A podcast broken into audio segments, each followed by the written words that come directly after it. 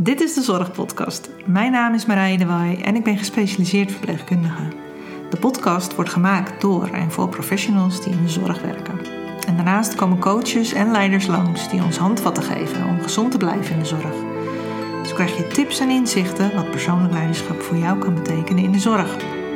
De demografie van Nederland is rap aan het veranderen. De tekorten worden steeds voelbaarder en niet alleen in de zorg. Hoe ga jij om als zorgprofessional dit spanningsveld in de zorg? Ik hoop dat je wat hebt aan deze tips en tricks van de Zorgpodcast.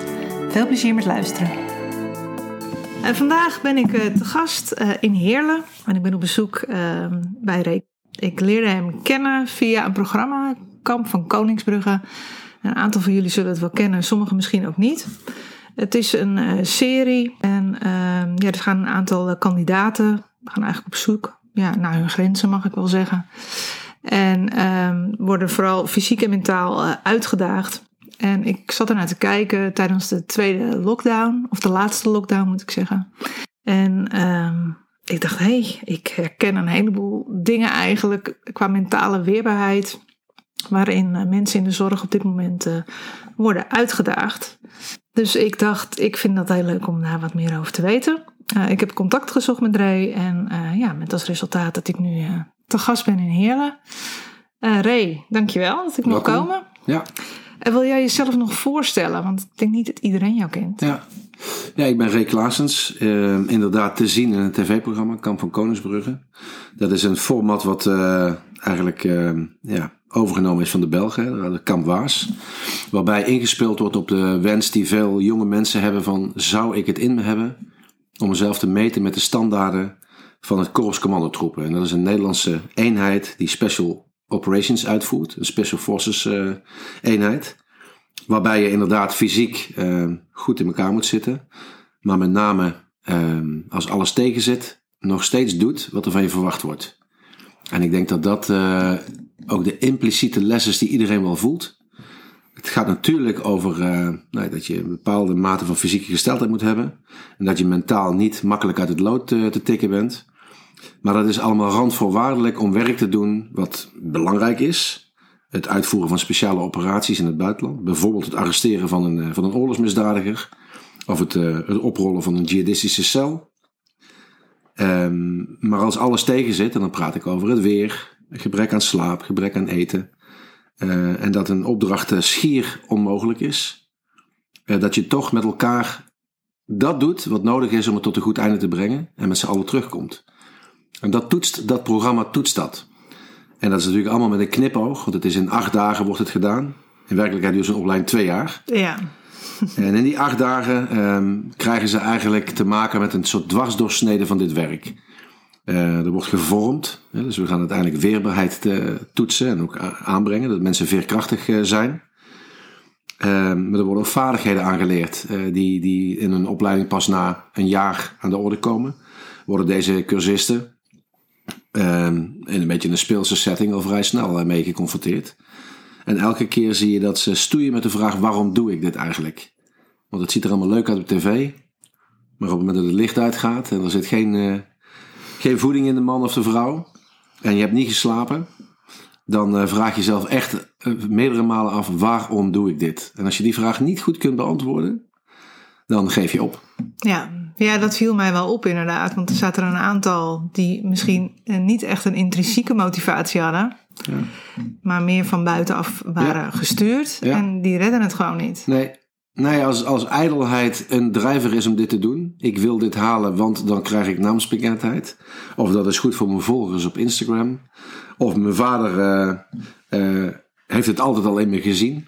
Dat is te ver van de kern vandaan. Je moet dus ergens moet je de motivatie hebben. En zeggen daarom, en die waarom-vraag is daarom ook zo belangrijk. Daarom doe ik dit. En als die, die motivatie uh, heel duidelijk en expliciet gemaakt is en je kunt het ook, ik bedoel, je moet natuurlijk ook wel fysiek eh, goed in elkaar steken, dan kom je een heel eind en misschien ga je het wel gewoon redden. Want op het moment dat je dan vraagt waarom ben ik hier, die vraag heb je dan meteen beantwoord. En dat is, uh, denk ik, in elke tegenslag is dat zo. Op een gegeven moment maakt motivatie ruimte voor, um, nou ja, gebrek aan motivatie. En dan heb je discipline nodig om door te gaan. Je moet dus ja. volharden. En volharden, dat doet de mens niet graag. Dat kost namelijk heel veel moeite. Eh, dus we gooien liever het beltje erbij neer. En we gaan op zoek naar iets wat makkelijker was. Nou, in dit werk bestaat dat eigenlijk niet. Je moet doorgaan.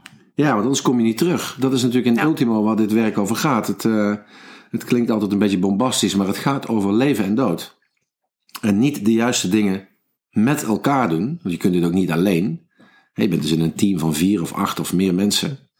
En die hebben dus alles voor elkaar over. En dat, dat soort samenwerken, dat kun je dus ook leren. Dat is een beetje mijn boodschap die ik graag nu naar organisaties breng. Het is niet alleen zo dat het alleen maar commando's dat kunnen. Mensen die moeite doen en die verder denken dan hun eigen belang, die hebben het in zich om nou, tot op een eigenlijk ongekende hoogte samen te werken. Ja, dus dan zeg je eigenlijk van, ehm, ik stuur dan eigenlijk met, eh, met die kernwaardes mensen bij elkaar om juist die eenheid te vormen, die nu niet altijd aanwezig is. Maar, en als je meer dat teamgevoel hebt, dat je dan tot grotere hoogtes kan komen. Ja, kijk, die kern, wij hebben het inderdaad in het programma over kernwaarden. Eh, overigens in het bedrijfsleven en in de zorg en op universiteiten zie je ook wat zijn onze kernwaarden. Ehm, wat ik van deze eenheid weet, het Korps Commandotroepen, is dat die kernwaarden, daar is niet alleen heel goed over nagedacht, maar in alles wat zij doen wordt gedrag getoetst aan die kernwaarden. En dat betekent als wij praten over beleid, dat in elk stukje gedrag gekeken wordt, heb je hier goed over nagedacht? Weet je wat de gevolgen zijn? Neem je ook de verantwoording voor het gedrag wat je laat zien? Eh, zo worden mensen geselecteerd, zo worden mensen gevormd, maar zo worden ook operaties voorbereid. En gedrag in operaties later ook weer geëvalueerd om samen beter te worden. En ik zeg dan wel eens, als ik naar een bedrijf ga, Unilever, Shell, de, de Jumbo, maakt niet zoveel uit, daar waar kernwaarden ehm, ook ingevoerd zijn, is het een, een, een poster op de muur of weet het personeel precies wat je daarmee bedoelt? En dan niet van ik kan het rijtje opdreunen, maar van wat wordt er nou van mij verwacht als ik 100% klantgeri- klantgericht ben? Of als ik eh, professionaliteit hoog in het vaandel heb staan. Wat betekent dat dan? Dat betekent niet dat je dat, dat, je dat altijd bent. Hè? Bij, ons, bij ons is moedig is een kernwaarde. Dat betekent niet dat als ik in de opleiding zit dat ik altijd per se moedig gedrag vertoon. Maar ik word wel getoetst aan de lat van wat is moed. En als ik niet handel in de lijn van mijn optreden moet moedig zijn, dan doe ik iets niet goed. Dus je zult, het gedrag moet in lijn zijn met die kernwaarden en anders gaat daar het gesprek over. Het maakt eigenlijk alles een beetje puurder. En daarmee eh, zeggen wij van het is eigenlijk het DNA van een organisatie. Nou ja, na twee afleveringen van dat ik op Koningsbrug keek. Ik wist precies wat de kernwaarden waren van het Korps Commandotroep. Ja. Maar ik moest toch even nadenken over de kernwaarden van mijn eigen bedrijf, waar ik voor werk. Ja, kracht zit in een herhaling natuurlijk ook. Ja, Ja. want volgens mij herhaal je het misschien wel meerdere keren Ja. per aflevering. Ja, En daarbij ehm, was het ook heel erg duidelijk wat nou precies de bedoeling was. ja, Ik- Er zat geen woord Engels tussen, zeg maar. Nee. Ze wisten precies, oké, dit moet ik doen. Daar zit natuurlijk ook een, eh, de kracht van die herhaling, eh, benoem je al. Maar die duidelijke lijn, die is ook wel heel erg belangrijk. ja. Want anders... Ja, maar als je met elkaar dus afspreekt van dit is ehm, een kernwaarde, dan ehm, moet je dat dus doorgronden met elkaar. Het is niet Ja. een, het is niet een eh, hoe zeg je dat, een proclamatie van een, van, een, van een woord waar iedereen een eigen gedachte bij vormt. Wat verstaan wij onder professionaliteit? Laten we daar eens over praten. Vul dat eens in. Wat betekent het voor jou? Zitten we allemaal op één lijn? En wat nou als we ons gedrag toetsen op basis van wat we hier nu zien met elkaar? Is dit dan professioneel? Wat kan er beter? Waarom doe je wat je dat doet. wat je doet? Ja. En daar zit, ehm, nou goed, in het tv-programma herhalen we dat inderdaad vaak. Ehm, maar ook omdat we willen laten zien wat, wat, wat is nou eigenlijk eh, de kracht van die kernwaarden. Het is een soort kompasstand. Waarin iedereen weet van, oké, dat is dus de richting die wij met elkaar opgaan. ja, en dat is ook de richting die ik dus aanvaard heb... op het moment dat je voor een bedrijf gaat werken. Ja, ja, inderdaad. Want als je, Ja. precies, dat is ook voor jezelf een toets. Wil ik dit? Ja, daarom. Ja. Ja. want ik zat te denken van ja, en waar, waar zit dan je... Je hebt natuurlijk ook je eigen kernwaardes. Ja, Passen die dan bij de kernwaardes van een organisatie waar je gaat werken? Ja. En zodra, zolang je dat natuurlijk niet precies weet, ja, kan je dat ook niet aan elkaar toetsen en weten waar je nou precies voor staat Ja. en, en wat jouw eigen koers is. Want als ik naar eh, het korps kijk, dan denk ik, oké, daar gaat de eenheid voor het individu. ja, Ehm, hoe strook je dat dan met die eigen kernwaarden? Zijn die dan echt van onder, ondergeschikt belang? Of gaan jullie er achteraan, zeg maar, van, of zoek je uit van oké, dit, maar dit ben ik. Hoe past dat in, in dit plaatje? Ja, kijk, het, ehm, er zit altijd een beetje een paradox in. Want er wordt natuurlijk gezegd van als, als individu stel jezelf ondergeschikt aan een missie en aan je team. Hè? Dat is een beetje dat wat, wat je net zegt. En tegelijkertijd ehm, is zo'n opleiding van meet af aan een selectieproces voor jou als individu. En dan moet je ook laten zien dat je samenwerkt en dat je het in je hebt om jezelf ehm, weg te cijferen voor een groter geheel. En tegelijkertijd ehm, ja, moet jij het halen. Moet jij die opdracht doen. Ja. Er zit dus een heel erg ik in het geheel. Maar goed, dat is het vormingsdeel alleen. Want op het moment dat je inderdaad gevormd bent, en die periode duurt bij ons twee maanden, dan wordt er gezegd van oké, je bent nu gerechtigd om een groene beret te dragen, omdat je hebt laten zien dat je die kernwaarden uh, nou, heel goed begrijpt en altijd toepast. En ook als wij niet kijken, doe je nog steeds wat nodig is. Dat kun je dan toetsen. En daarna word je opgeleid en dan gaat het inderdaad om het geheel. Want je kunt in je eentje geen speciale operatie uitvoeren. Er zijn diverse disciplines, diverse specialismes, die worden, uh, daar word je ook apart in opgeleid. En je hebt elkaar nou eenmaal nodig. Want je, anders ben je gewoon geen volwaardig team. Die, ker, die kernwaarden van jou als persoon, als die zouden botsen met de kernwaarden van zo'n eenheid, dan ben ik ervan overtuigd, dan solliciteer je niet. Um, een voorbeeld zou kunnen zijn een kernwaarde trots. Dat is iets die roept een beetje een dubbel gevoel op. Want trots klinkt ook iets van, hè, we zijn een soort van, ja, dat je jezelf een beetje verheft boven het, op basis van een prestatie, boven hetgeen wat je gedaan hebt. Maar voor mij betekent trots het resultaat van een hele ellendige periode doorgemaakt hebben, altijd aangehaakt uh, te zijn gebleven altijd meegedaan hebt, altijd moeite gedaan hebt. En als je dan terugkijkt, dan zeg je ja, en daarom ben ik trots, want ik heb het gered. En dan zit je in een soort comfortabele situatie. Maar die trots die wordt bij ons als kernwaarde genoemd, omdat je best trots mag zijn op je prestaties.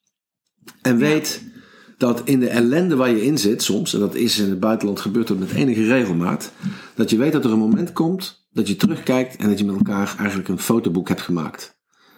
En dat maakt dat je sneller aangehaakt blijft, dat je trots bent op de eenheid waarvoor je werkt, trots bent op de mensen met wie je het gedaan hebt. En daar zit een soort van respect en verbondenheid en esprit de corps. Dat spreekt er eigenlijk uit. En, en uiten jullie dat ook naar elkaar toe? Heel erg. Uh, Heel erg. Joh, dat hebben we toch mooi gedaan met z'n ja. allen, wat goed. En dat gebeurt dan niet zozeer alleen maar met woord, maar ook in de, in de tradities. Dus um, bij zo'n eenheid heb je het vaandel. En dat vaandel, daar staan de, de wapenfeiten op die zo'n eenheid gedaan heeft. Uh, of dat dan gaat over de moderne geschiedenis in Afghanistan of in Irak. Uh, of dat het gaat over de oude geschiedenis toen er in Indonesië of uh, in de Tweede Wereldoorlog. Maar die, die, die operaties die staan erop vermeld en die worden dus ook herdacht. De mensen die daar gesneuveld zijn of het overleefd hebben, worden ook uitgenodigd. En daar, daar wordt echt veel aandacht aan gegeven. Ook aan de nabestaanden ervan. En dan krijg je een soort extra dimensie onder het werk. Het gaat dus voorbij aan het hier en nu en de operatie waar je in zit. Maar het verbroedert eigenlijk door de eeuwen heen. Ja. En de kracht daarvan, en dat, dat mag ik nu ook veel vertellen in, uh, in bedrijven die bijvoorbeeld met fusies te maken hebben of die met extreme groei te maken hebben. De kracht van die extra laag van esprit de corps is eigenlijk een soort satéprikker door de generaties. Dus je voorkomt daarmee, daar moet je wel heel bewust van blijven, dat je niet altijd maar praat over, oh ja, dat zijn die oude lui, die zijn handrem op de, de tent, uh, helemaal verstoft.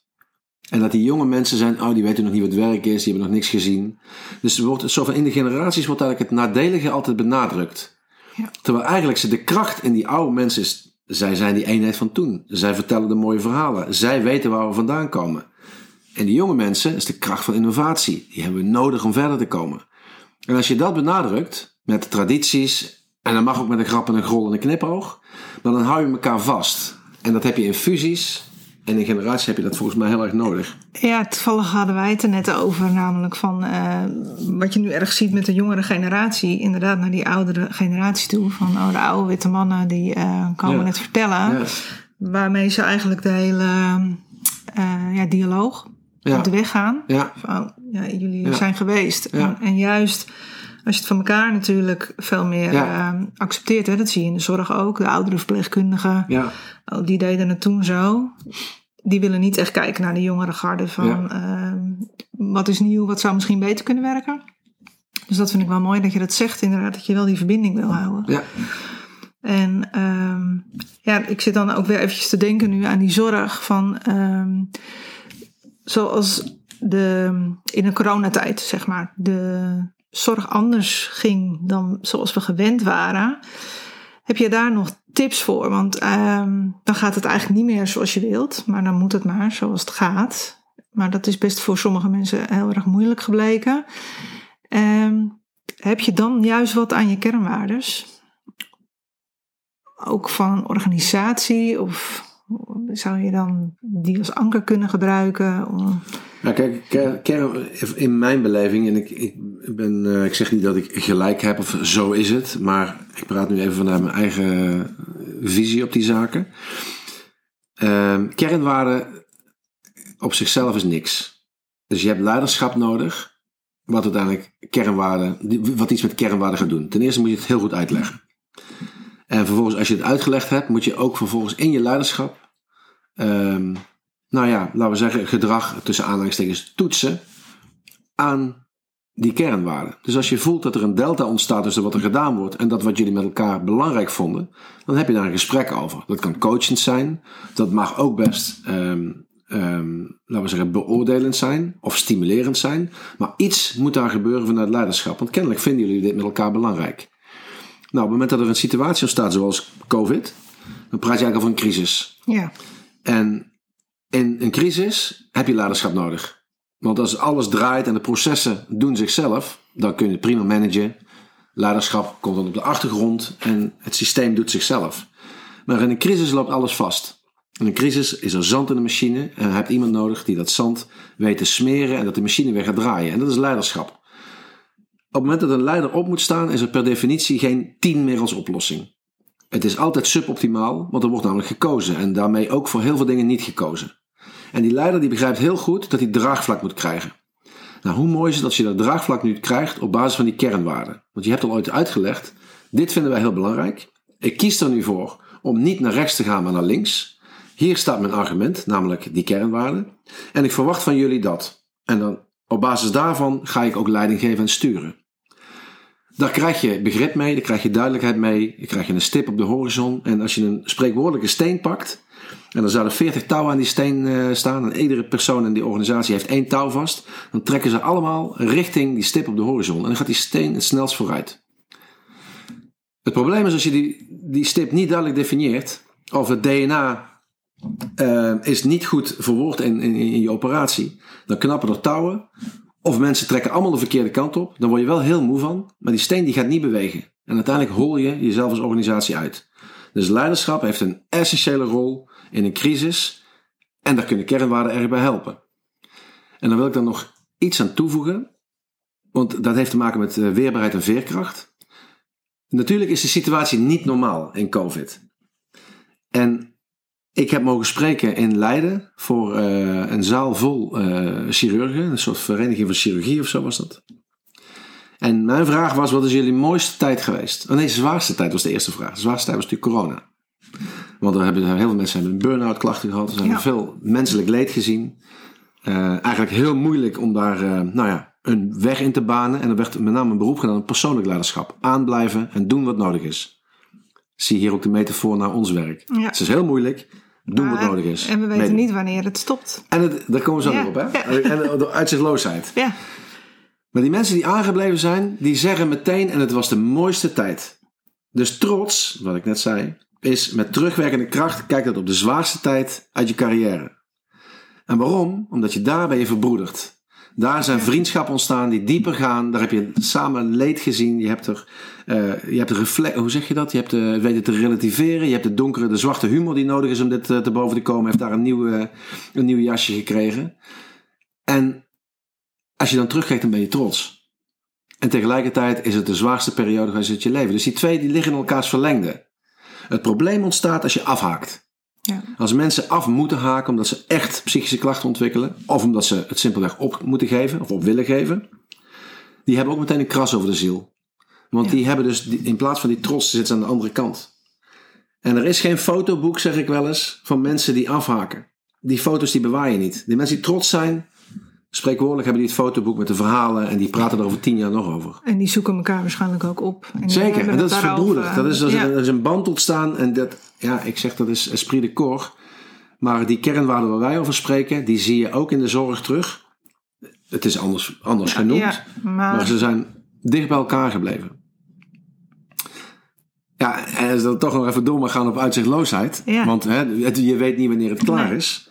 In ons werk, van, van een speciale operatie, eh, je gaat een gebied in en je weet niet wanneer het voor het echtje is. Nee. Dus je weet niet achter welke boom je beschoten wordt. Je weet niet wanneer het stopt. Je weet niet wanneer je thuis komt. Het is één grote onzekerheid. Covid in de zorg is eigenlijk precies hetzelfde. ja. Hadden wij allemaal geweten dat iets op 11 februari klaar zou zijn, dan hadden we het kunnen plannen. Dan wisten we wanneer we open gingen. Dan was er niemand in de war geraakt. Dan hadden we geen maatschappelijke ontregeling gehad. Maar omdat we het niet weten, krijg je iets gekmakends. En het land heeft, nou, voor zo goed en zo kwaad als kan, heeft een leiderschap proberen te tonen, maar het is hartstikke moeilijk geweest. En er is een ruimte geweest voor ondermijning. Er zijn allerlei initiatieven geweest die hebben proberen de zaak eh pootje te haken. Omdat het leiderschap niet sterk genoeg was. En ik vraag me af of dat überhaupt had gekund. ja. Maar het het punt is dat in zo'n situatie is leiderschap nodig om een heldere stip, glashelder op de horizon te zetten. En met name te zeggen wat je allemaal niet gaat leveren. En dat het teleurstellingen gaat brengen. En zodra je voelt dat je aan het salven bent. En zodra je voelt dat je overal iedereen probeert tevreden te houden. Dan weet je dat je af bent. Maar dat Ja. gaat niet lukken. Nee. En door te kiezen ga je heel veel mensen ook tegen in het harnas jagen. Dat is ook waar. Maar het is Maar wel het is wel eens wat nodig is. Ja, dan is wel duidelijkheid. Ja. Hè? Want dat was, hè, nu is COVID natuurlijk dan ook een periode geweest dat mensen toch een beetje zoekende werden, afhaken, in de war raken. En als je dan niet heel duidelijk te horen krijgt eh, hoe we het gaan doen, dan krijg je mensen die. ehm, Ik, ik denk Ja. dat het overigens niet veel beter had gekund dan het nu gegaan is. En er zijn, we hebben in Europa ook verschillende stijlen gezien. En Ja. met allerlei verschillende uitkomsten. Ik bedoel, ga er maar aan staan. Maar als je het helemaal plat zou drukken. Dan denk ik dat ehm, in tijden van onzekerheid is er leiderschap nodig. ja. En het moet ook de ruimte krijgen. En ik denk dat de Nederlandse maatschappij die ruimte ook niet echt gegeven heeft. En tegelijkertijd, eh, als we terugkijken, denk ik, ja, er zijn heel veel mensen gedupeerd geraakt. Er zijn veel mensen hebben het leven gelaten. Eh, en eh, ja, goed, zo zit ik er zelf in. En tegelijkertijd is het wat het is. Niemand is had het gezien. Nee, We hebben er een manier mee te vinden om ja, dit maar te relativeren en te accepteren. en iedereen heeft naar zijn eigen weten zijn best gedaan, mag ik aannemen. Ja, En zo is het gegaan zoals het is. je hebt een boek van eh, dat is een TED-talk eh, spreker, Simon Sinek. Why? Ja, dat, hij heeft natuurlijk eh, Everything Starts with a Why. Ja. Dat is een goeie. Maar hij heeft ook een boek geschreven. Ik denk dat ik het hier zelfs heb liggen. Het heet The Infinite Game. Het heet The Infinite Game. Even in de microfoon. Het oneindige spel. En eigenlijk zegt dat eh, iets over situaties als eh, de economie. Of de leiderschapsontwikkeling. Of de liefde. Of, het zijn allemaal zaken die laten zich niet vatten in regeltjes. Maar daar ben je eigenlijk continu zelf aan zet. Dus persoonlijk leiderschap altijd maar het beste willen doen, of de beste versie van jezelf willen zijn, maakt dat hoe complex de situatie ook is, dat je altijd het optimum ervan eh, weet te vinden met elkaar. En een voetbalwedstrijd is een eindig spel. Hè? Dan heb je 22 spelers, een scheidsrechter, vaste regels. 90 minuten. 90 minuten, één Ja. keer meer scoren en je hebt gewonnen. Maar in een oneindig spel bestaat dit niet. En dan heb je dus iets dat je een soort van mindset moet ontwikkelen. En op basis van die mindset probeer je altijd het beste naar voren te brengen. En ik geloof dat het in de zorg, nu was het COVID, straks is het regeldruk. Dan hebben we weer bezuinigingen, we hebben de ziekenhuis. Maar wat kun je nou in jezelf aanroepen dat je er niet van in de war raakt? Of dat je niet die psychische klachten ontwikkelt die die druk gewoon wel met zich meebrengt. Ja. Met andere woorden, dat je, je, je veerkracht groter Behoud. wordt. Ja, en behoud in ieder Ja. geval. Eh, veerkracht behoudt inderdaad. ja. Ja, en ik geloof dat om veerkracht te behouden, moet je werken aan weerbaarheid. Bij Defensie is het zo dat als je eh, een speciale operatie uit mag voeren, dan moet je een opleiding doen van twee jaar. Aan de ene kant zijn er heel veel vaardigheden, maar er wordt ook gekeken van hoe veerkrachtig ben je en kan ik je vormen, zodat je weerbaarheid vergroot wordt. En dat is een ander soort operatie dan als je eh, bij Defensie werkt eh, op een administratieve afdeling. Moet je misschien ook wel ooit in, een, conflict situatie werken, maar dan kom je veel minder geweld tegen. En andere vaardigheden. Andere vaardigheden, Ja. precies. Dus je vorming ziet er anders uit. Dus er is een relatie tussen hoe iemand gevormd wordt en tussen hoe weerbaar dezegene moet zijn.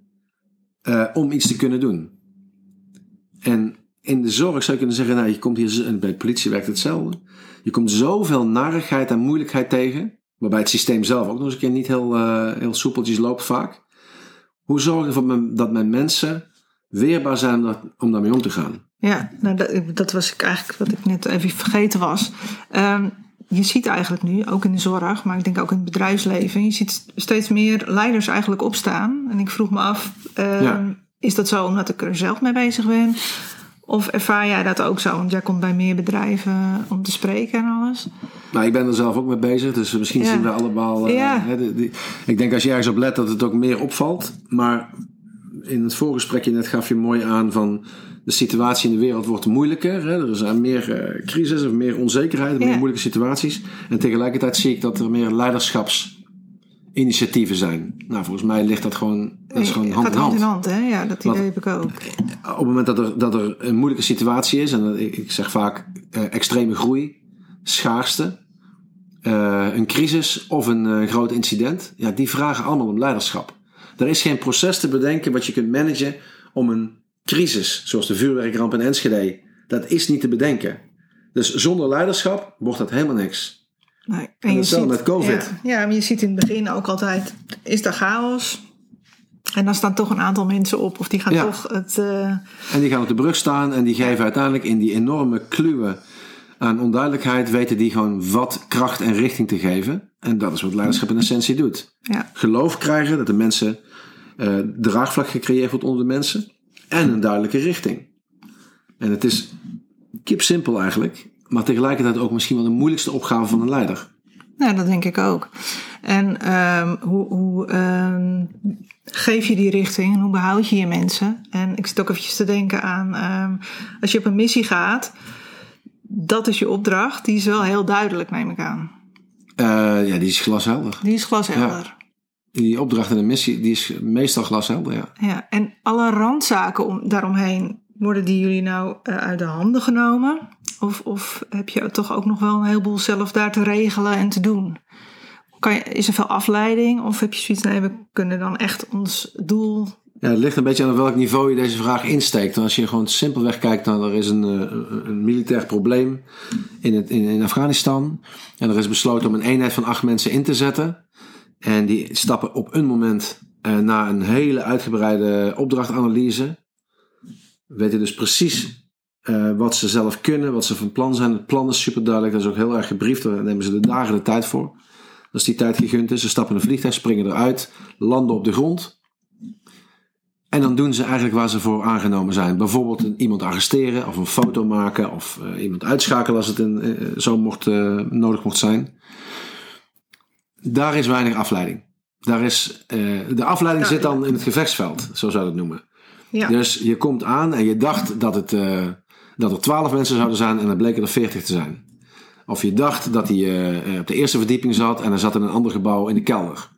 Dus in die zin verandert de situatie altijd en heb je dus dan te dealen met datgene wat je weet. Randvoorwaardelijk is het zo dat je neemt je rugzak mee, dan zitten je spulletjes in.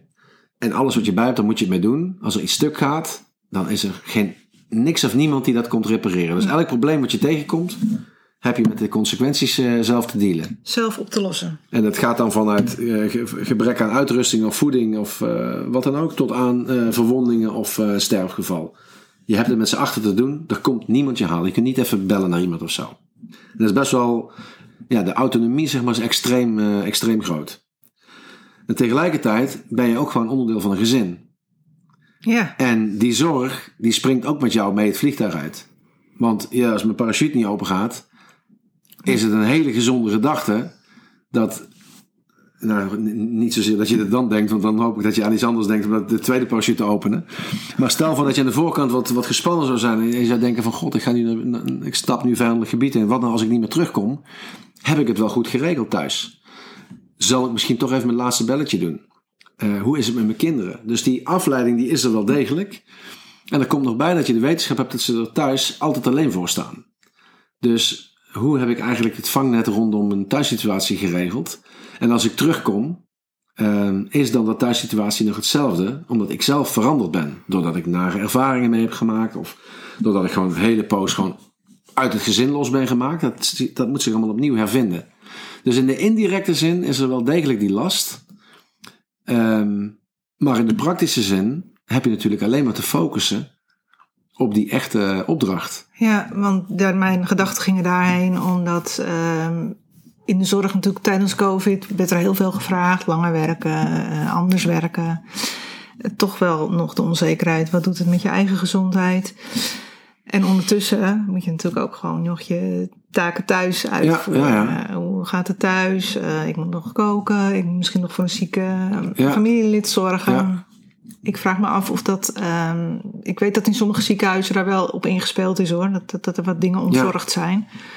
Maar dat zou natuurlijk wel uh, helpen. Dus, uh, maar goed, ik hoor jou nu zeggen van ja, maar je zorgen neem je even goed mee. Ja, ja dat, dat wel. In de praktische zin kost het je natuurlijk geen tijd. Wel hersencapaciteit, maar geen. Nee. Hè, je kunt er dus sneller door afgeleid raken.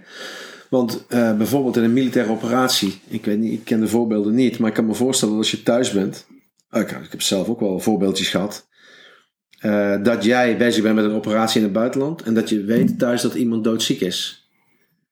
En dat je niks kunt doen. Dus de soort van de machteloosheid, die doet iets met je focus. Uh, ja, dus daar kun je dus ook op trainen. Daar wordt ook op getraind. Van hoe zorg je er nu voor dat je afleiding waar je niks aan hebt. Want er is echt niemand mee geholpen als ik mezelf druk ga maken om thuis. Terwijl ik anderhalf uur later eh, met 200 km per uur naar beneden val in de lucht. Dan kan ik maar beter zorgen dat ik heel erg gefocust ben op dat trucje. Dat ik in ieder geval. Dan dat ik, dan dat ik denk van ja, maar als hij nou niet open gaat, wordt het probleem nog groter thuis. Ja. Dus daar, uh, daar wordt ook wel op getraind. En we noemen dat dan de cirkels van focus. Hoe kun je nou heel sterk je focus houden? Is het hetzelfde van invloed en betrokkenheid? Of? Um, nou, het is een. Het is een uh, ik ben even de wetenschapper nu kwijt. Maar het zijn zes cirkels. Waarbij als je helemaal in het centrum zit, dan heb je 100% focus. De eerste afleiding is eigenlijk de externe prikkels, dus een geluidje. Of een, uh, een lichtje wat in één keer aanknipt. Wat je denkt, oh, en je bent even je focus kwijt, maar dan ben je heel snel weer terug.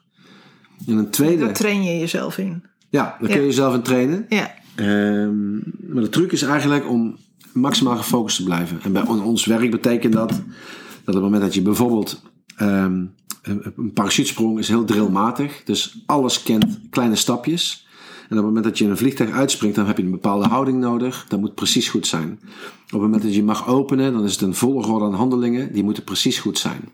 Als je dat niet goed doet, dan gaat er ook echt iets mis. Dus de focus betekent eigenlijk van oké, ik focus me niet op deze handeling, want dat is veel te ver weg. Ik ga eerst zorgen dat mijn houding goed is. Als mijn houding goed is, ga ik daarna focussen op de opening. Als mijn opening goed is, doe ik een controle van mijn parachute mijn controle op parachute gedaan heb, ga kijken welke kant ik op moet sturen. En niet in een andere volgorde. En dat stapjes denken, dan heb je de volledige focus. Dan gaat er eigenlijk niks mis. Als ik denk, ik sta in het vliegtuig en ik moet eruit springen en ik neem een houding aan en uh, de piloot die, uh, die zou een klein bochtje maken, dan raak ik even afgeleid. Dat is de eerste cirkel. Het is logisch dat ik dan niet meer denk aan mijn houding, maar denk, oh, wat is dit? Ja. Maar ik ben meteen weer terug. Een tweede cirkel daarbuiten zou zijn van, maar wat nou als mijn parachute niet open gaat? Dat gaat me overigens niet helpen, want daar word ik alleen maar gespannen van. Want vervolgens, is namelijk de volgende cirkel, gevolg denken. En als die niet meer open gaat, dan dat betekent dus dat ik mijn reserve moet trekken. Als die nou ook niet open gaat, ga ik dood. Ik heb mijn hypotheek niet goed geregeld. En dat gaat zo naar buiten toe, totdat je op een gegeven moment denkt van, wat doe ik hier? En elk stapje wat je opschuift, wordt het moeilijker om terug te komen naar die volledige focus. Dus waar wij mensen op trainen, is dat ze herkennen van ik ben fysiek afgeleid met een externe prikkel. Prima, ik ben afgeleid terug. En als ik een gedachte zou hebben van wat nou als die niet open gaat, dat ik het herken van oh, ik heb dat stemmetje, wat heel normaal is. Stemmetje weg, terug. Wat is mijn handeling? En daarmee hou je eigenlijk volledige focus en dan heb je de, de foutmarge geminimaliseerd. En dat is iets wat je continu traint, dus dat zit gewoon op die harde schijf. Ja, en eigenlijk zit dat, dat is, dat is bijna onderbewust. Ja. Um, want dat, dat, komt in heel veel dingen voor. Maar ik vind een parachutesprong altijd mooi om dat uh, Nou, ik, ik zie de overeenkomsten met de ABCD in ambulancezorg. Ja. Nou, eerst ja, begin je bij de airway. Als die niet vrij is, dan ga je en bij, en bij zo'n ambulance, dus ik, nou, de patiënt schreeuwt enorm. En dat leidt natuurlijk af. Maar op het moment dat je bewust bent, ja, dat gaan we niet helpen. Ik help die man echt niet om nu te denken van, oh, wat erg voor je. Nee. En ik help ook niet door te denken, als ik nu een fout maak, dan gaat hij misschien sterven. Waar ik mezelf mee help, is door bij de A te beginnen. En het rijtje achter te voeren. Ja. Ja. Nou, ja. ja, en, daar, en daar komt bij dat voordat je dit gaat bedenken, dat je ook de andere kant op terugredeneert. Dat je dus, eh, wij noemen dat eh, de doelredenering. Dat je heel erg goed doorgrondt van waarom je iets doet. Dat als je ooit in de vraag komt van wat doe ik hier eigenlijk, dat je meteen het antwoord hebt. Nou, ik, ik, ik sta hier zo meteen in een speciale operatie en ik ga hier iemand bevrijden of eh, iemand eh, arresteren. En dat doe ik omdat ik eh, hier ooit voor gekozen heb om Nederland veilig te maken. Dus mocht ik ooit in die waarom-vraag terechtkomen, nou, die heb ik al even beantwoord. Dan hoef ik niet meer langer over te na te denken. Dus dat helemaal uitpellen. En het komt overigens uit de topsport dit. Ja, De topsporters, sprinters, die vinden het ongelooflijk moeilijk om als ze in de startblokken staan, om die ultieme focus te hebben op het startschot. En dat alles om hen heen is gericht op afleiding, hè? ook de tegenstander, Ja. of een eh, klikje of wat dan ook. maar die focus. En die focus hebben ze nodig om eh, die, die, die honderdste van seconde dus eh, sneller weg te zijn. En dat kun je trainen. Oké, maar ja, want daar heb je natuurlijk zeker ook wat aan in extreme omstandigheden, bijvoorbeeld in de zorg of iets. Dat je in ieder geval weet waarom, waarom doe, wat doe ik hier, waarom doe Ja. ik dit nog? Het blijkt dus zo te zijn dat topsporters, die hebben natuurlijk zo'n strak regime in trainen, dat het voor hen juist heel moeilijk is om dat ook altijd maar te blijven volgen. Omdat ze eigenlijk compleet ontzegd worden van nou, alles wat leuk is in het leven en allerlei dingen moeten om goud te winnen, wat ze in de meeste gevallen natuurlijk nooit winnen. Dus dan moet je toch wel behoorlijk gedisciplineerd zijn om, daar, eh, zeg maar, om dat te volharden. En daar gebruiken ze ook deze Oké. eh ja, focustheorie, of ik weet niet pre- precies hoe het heet, maar de cirkels van focus, die lopen ze dan af. Nou, mooi. Ja, Ja. dat ken ik eigenlijk niet. hey, en ehm, als je dan, dan kijkt naar ehm, COVID, eh, het korpscommandotroepen, het gaat ook wel eens niet goed Ja. terugkomen. Ja, Hè, ehm, ook in de zorg zie ik natuurlijk mensen met PTSS, met name dan in de ambulancezorg kwam ik dat wel Ja. tegen. Maar bij jullie eh, is dat nou, best een, een, een aanzienlijk deel wat daarmee terugkomt op hè, verschillende gradaties. Mhm. Ja, ik, ik, ik heb geen percentages, maar ehm, het gebeurt. En het wordt ook steeds, eh, ja, het wordt een steeds gewoner ziekte, ziektebeeld. Dus eh, het wordt ook vaker gediagnosticeerd.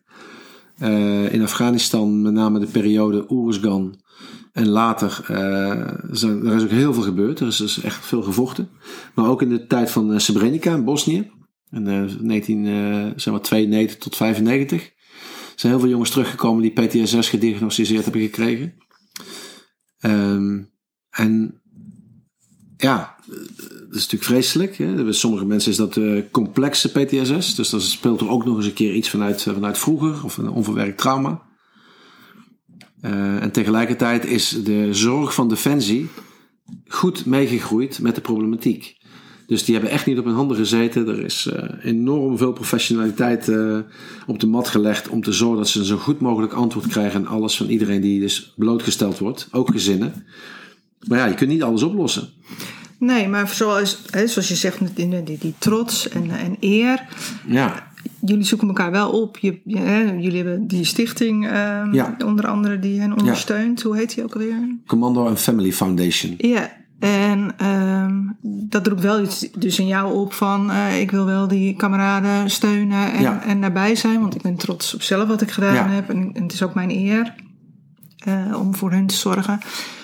En in de zorg heb je natuurlijk de mensen die nu eh, long-covid hebben opgelopen of iets. Ik zie nog niet heel veel, wel wat ehm, dingen daarin gebeuren. Dat mensen voor elkaar gaan zorgen en Ja. daartoe oproepen. Ja, Maar als je natuurlijk niet zo heel erg dat, dat trotse gevoel hebt. Ik heb niet het idee dat namelijk mensen in de zorg per definitie heel erg trots zijn op wat ze doen. Maar Hmm. meer het gevoel hebben van, ehm, ja, dit moet ik doen. Want ik ben hiervoor opgeleid en eh, dit ga ik doen.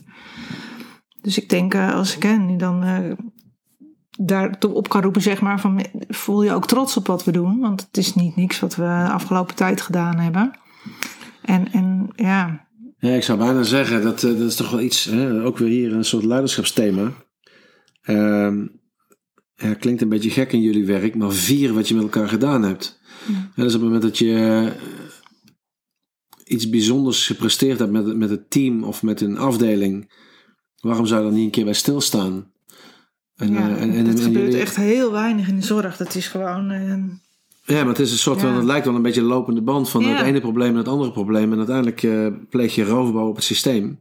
Iedereen eh, holt uit. En dat moet je natuurlijk voorkomen. Je wil dat mensen krachtig worden In plaats van dat ze, dat, ze is- terugvallen. Dat is onder andere met de podcast wat ik Ja. graag wil doen. Van wees je bewust van eh, wie je zelf bent, waar je nu staat, en wat er aan de hand is. En, en neem je Ja. collega's daar inderdaad in Maar ik, mee. ik bedoel, ik, ben, ik kom niet uit de zorg. Maar als ik naar de buitenkant kijk eh na de zorg. ehm, dan denk ik dat jullie met recht zouden mogen spreken om trots te zijn. En dan heb ik het niet alleen over COVID. Maar überhaupt met de werkdruk, onderbemensing, regeldruk. Toch elke dag maar weer eh, menselijke zorg leveren. Ehm, nou, ik denk dat jullie de voldoening ook halen uit de patiënten en hun, eh, hun naasten. Ja. Eh, maar waarom zou je het niet wat meer uit elkaar halen? Ja, precies. En ook uit jezelf. Gewoon Ja. dat je jezelf ook echt mag waarderen voor wat je nu doet en waar je mee bezig bent. En eh, ja, dat is, dat is best wel een dingetje. Het gaat altijd maar door. Het moet ook altijd maar doorgaan. En dan denk ik, ik zat nu te denken aan jou van, oh ja, ehm, broederschap en dat verbroedering van eh, die Ja. eh, chirurgen. En een vriendin van mij werkt op de IC. En die zei ook, ja, ik zat op die cohortafdeling met alleen maar COVID-patiënten. En dat had ook wel iets. Het was ook wel mooi. Ja. Het was wel moeilijk vol te houden. Maar het had ook wel iets moois. Maar het, het is niet iets wat er nou per definitie daarna heel erg gevierd is. Of waar heel veel complimenten voor ge- gegeven Nee, dat is zijn. natuurlijk een beetje. Het, ja, goed, het is lastig om dat gewoon eh, collectief te veranderen. Maar als je dus kijkt naar het had. In die zin zegt het eigenlijk allemaal. Het had ook wel iets. Want wat had het dan? Eh, jullie waren eigenlijk een beetje toch ook eh, de redders van Nederland. Ehm, er werd met gevaar voor eigen leven, zeker omdat je, eh, zeker Ja. toen het nog niet iedereen wist van hoe het precies zou lopen, werd er gewoon zorg verleend op een druk die eigenlijk nog niet eerder gezien was. Ja. Ehm, ja, en het had ook wel iets, de sense of urgency van nu, nu gaat het erom. Hè, net zoals je met de ebola-crisis in in West-Afrika zie je gewoon ook, daar ontstaat een soort trots in het systeem. Waarom hebben jullie dat niet met elkaar georganiseerd als buitenstaander? Dat je dat eens gewoon benoemt en dat je daar eens gewoon naar kijkt en dat eens gewoon bij stilstaat en daar is gewoon misschien een. eh, zo beginnen. Elk, elke traditie begint met een eerste keer. Waarom zou je niet eens een dag kiezen en zeggen van ja, dat hebben we wel met elkaar gedaan. Dat is onze dag en die gaan we vieren. Waardoor je dus dan verbroeder je omdat er simpelweg een, eh, een glaasje geschonken wordt of je, je eet wat samen of wat dan ook. Maar dat je met elkaar op zoek gaat naar wat hebben we hier eigenlijk geflikt. Ja, maar ik weet wel dat het soms wel eh, gedaan is. Ik weet dat mijn werkgever heeft een eh, pagina grote advertentie gezet in de krant. Van eh, dank jullie wel dat, dat, dat jullie dat gedaan hebben. Ja. Maar het wordt ook niet altijd aangenomen door Ja. de mensen in de zorg. Ja. Van, oh, eh, nou, Ja, ja dat snap ik. En even gaan. gewoon. En dat is mijn werk. En nou, er liggen nog meer mensen. Ja, Ja, dus dat, dat, dat is wel... ja, Ja, maar ja, daarom, daarom is het volgens mij ook eh, een thema voor leiderschap. Ik zou zeggen, je moet het belang daarvan zien en eh, maak het maar tot een instituut en doe er maar wat mee. Want anders is het effect dit. ja, En ik geloof dat jullie dat ook kunnen gebruiken. Eh, want het, het gaat niet zozeer om de ijdele kant van trots, maar het gaat om de energie die het levert als je klaar bent. Omdat je weer nieuwe frisse moed hebt en dan holt het je niet uit, maar dan geeft het je een boost. En die keuze die zit ergens in erbij stilstaan, elkaar vasthouden, eh, in de figuurlijke zin, en zeggen van hey, dit hebben wij dus geflikt met elkaar. en dit gaan we in de toekomst ook nog flikken. Want eh, er staat natuurlijk nogal een uitdaging eh, te wachten Ja. met de vergrijzing. En je ziet het, weet je, het is wel steeds heel negatief in beeld. Eh, het is te veel zorg, tekort aan personeel. Ja, En dat eh, neigt er dan, of tenminste dat nodigt een beetje uit om daarin mee te gaan leunen. Ook voor de zorgprofessionals zelf. Oh ja, we hebben te veel, we hebben te druk. Maar er is nog wel een heleboel in jezelf ook. Wat je aan kan boren. Of eh, waar je voor kan gaan staan. En ehm, ja, daar is best nog wel een wereld te winnen, denk ik. Ja, dit is denk ik het punt wat die Simon Sinek maakt in zijn boek over dat oneindige spel. Dit is nooit klaar, nu straks is het vergrijzing. Ja, Maar hoe ga je erin zitten?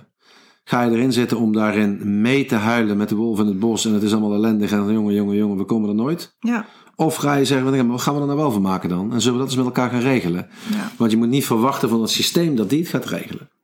Het systeem is, zit in ditzelfde probleem opgesloten. Nou ja, je ziet overal het systeem ook terugkomen. Ik zie, je ziet het op afdelingsniveau terugkomen. Je ziet het landelijk terugkomen. Het is natuurlijk een boel onvrede in Nederland ook. Maar dat Ja. is allemaal meehuilen inderdaad met de wolven van... kijk eens wat mij aangedaan wordt. Ja. In plaats van dan Ja. gaan kijken van... oh, en wat is mijn aandeel erin wat ik Precies ga doen. dat. Pak de spiegel en kijk wat je zelf kunt doen. Ja, En dat is het moeilijkste, want het is overal, het is universeel, het is niet alleen in de zorg. Mensen hebben allerlei excuses om niet naar zichzelf te kijken. Want het ligt natuurlijk altijd aan iets. De crisis, de oorlog, het systeem, het management, de derde verdieping, de baas. Er is altijd wel ergens De waar het aan ligt. gang. Ja, maar het ligt gewoon aan jezelf. Ja. Want je hebt gewoon de keuze hoe je erin gaat zitten. ja, dat is waar. Maar die boodschap die eh, komt maar moeilijk binnen. En voor de mensen die nu luisteren, als ze voelen dat het een beetje frictie oplevert, dan is die voor hen bedoeld. Precies. En dan zit ook je groei in die eh, Ja, dat is zo. oncomfortabele ja, positie. En ehm, het is natuurlijk best lastig om ehm, dat aan te gaan en aan te gaan kijken. Want er zit natuurlijk altijd een stukje van jezelf in wat je niet per se wil zien. Of niet. Ja. ja. Je moet ook een trajectje met jezelf aangaan. Ja, Dat is het vaak. En, ja en, en beseffen dat je ook iedereen een blinde vlek heeft. Ja. Dus je hebt anderen nodig om die met jou in te kleuren. ja, Maar sta je, je- of sta je, voor die, eh, sta je daarvoor open? ja, precies. En natuurlijk naar je eigen overtuigingen te kijken. Ja, Want die zijn dus niet altijd per definitie waar. nee. En ja, als je dat natuurlijk mee hebt gekregen van iemand waar je tegenop kijkt, of dat is helemaal, hè, dat heb je helemaal tot iets intrinsieks gemaakt, dan is dat best lastig om dat eh, te wijzigen Ja. en ehm, ja, aan te passen. Zeker. Ja, dus wat zijn jouw tips eh, voor de toekomst? Nou, zorg ervoor dat je altijd een spiegeltje op zak hebt. Dus dat is misschien wel de beste. Ja, En eh, dat, dat klinkt een beetje afgezaagd, maar dat zit wel denk ik heel veel in van hoe ga je om met alles. En als je je ogen dicht doet, dan heb je altijd die mensen waarvan je zegt, nou die trekken de kar altijd. Die zijn altijd, eh, die pakken de vervelende klusjes, die zijn er altijd. En als je je ogen dicht doet en je denkt aan de andere kant, dan heb je ze ook. ja, Dus de vraag is nu van waar zit jij? En op een gekke manier zitten de meesten altijd de voor zichzelf aan de kant waar het allemaal goed is. En de vraag is, dat kan natuurlijk niet. Dus kijk eens een keer eerlijk met je collega's of je familie of wat dan ook naar jezelf. En probeer er het beste van te maken. Altijd weer. Want als je de neiging hebt om het buiten jezelf te leggen, dan ben je eigenlijk af. Want het verandert namelijk niet Nee. door dat te doen. Het verandert wel doordat je initiatief pakt, iets bespreekbaar maakt, die knoop wat je mag. Probeert wat eh, tekst te geven. Bij je leidinggevende, bij je collega's. En dan veranderen er wel dingen. Ja, En ik zou zeggen aan alle managers of leiders: ehm, kijk eens welke rol je te pakken hebt eh, gerelateerd aan kernwaarden. Of gerelateerd aan die hele duidelijke stip op de horizon. En zie je je mensen echt? Of vind je het belangrijk om die rapportage nog beter te perfectioneren voordat die eruit kan? Of denk je van nee, dan zit er maar een spelfoutje in. Het is toch maar intern. Ik ga eens even kijken wat op de afdeling is. verbinden. Ja, Ja, dat is wel heel belangrijk. Ja, dat denk ik ook. En ehm, ja, ga eens inderdaad na met elkaar. Wat zijn de kernwaardes? Wij hebben met ons team zelf onze kernwaardes. Wat buiten die van het bedrijf. Wat zijn die nou van ons? ja. En wat betekent dat voor ons? En hoe gaan we dan met elkaar om? Dat, Ja. ja. ja, dat is belangrijk. En zo gaan we het wel redden, denk ik, in de ik toekomst. gun het jullie van harte, want eh, jullie verdienen het. Nou, ik zie wel een, eh, een verandering. Dat, dat komt wel goed. Mooi, als het goed komt, dat, is, dat moeten we hebben, toch? Ja, maar niet vanzelf. Ga niet vanzelf, we moeten er wel wat voor doen. Ja. Maar met elkaar gaan we het zeker. Mooi, Dankjewel. graag gedaan.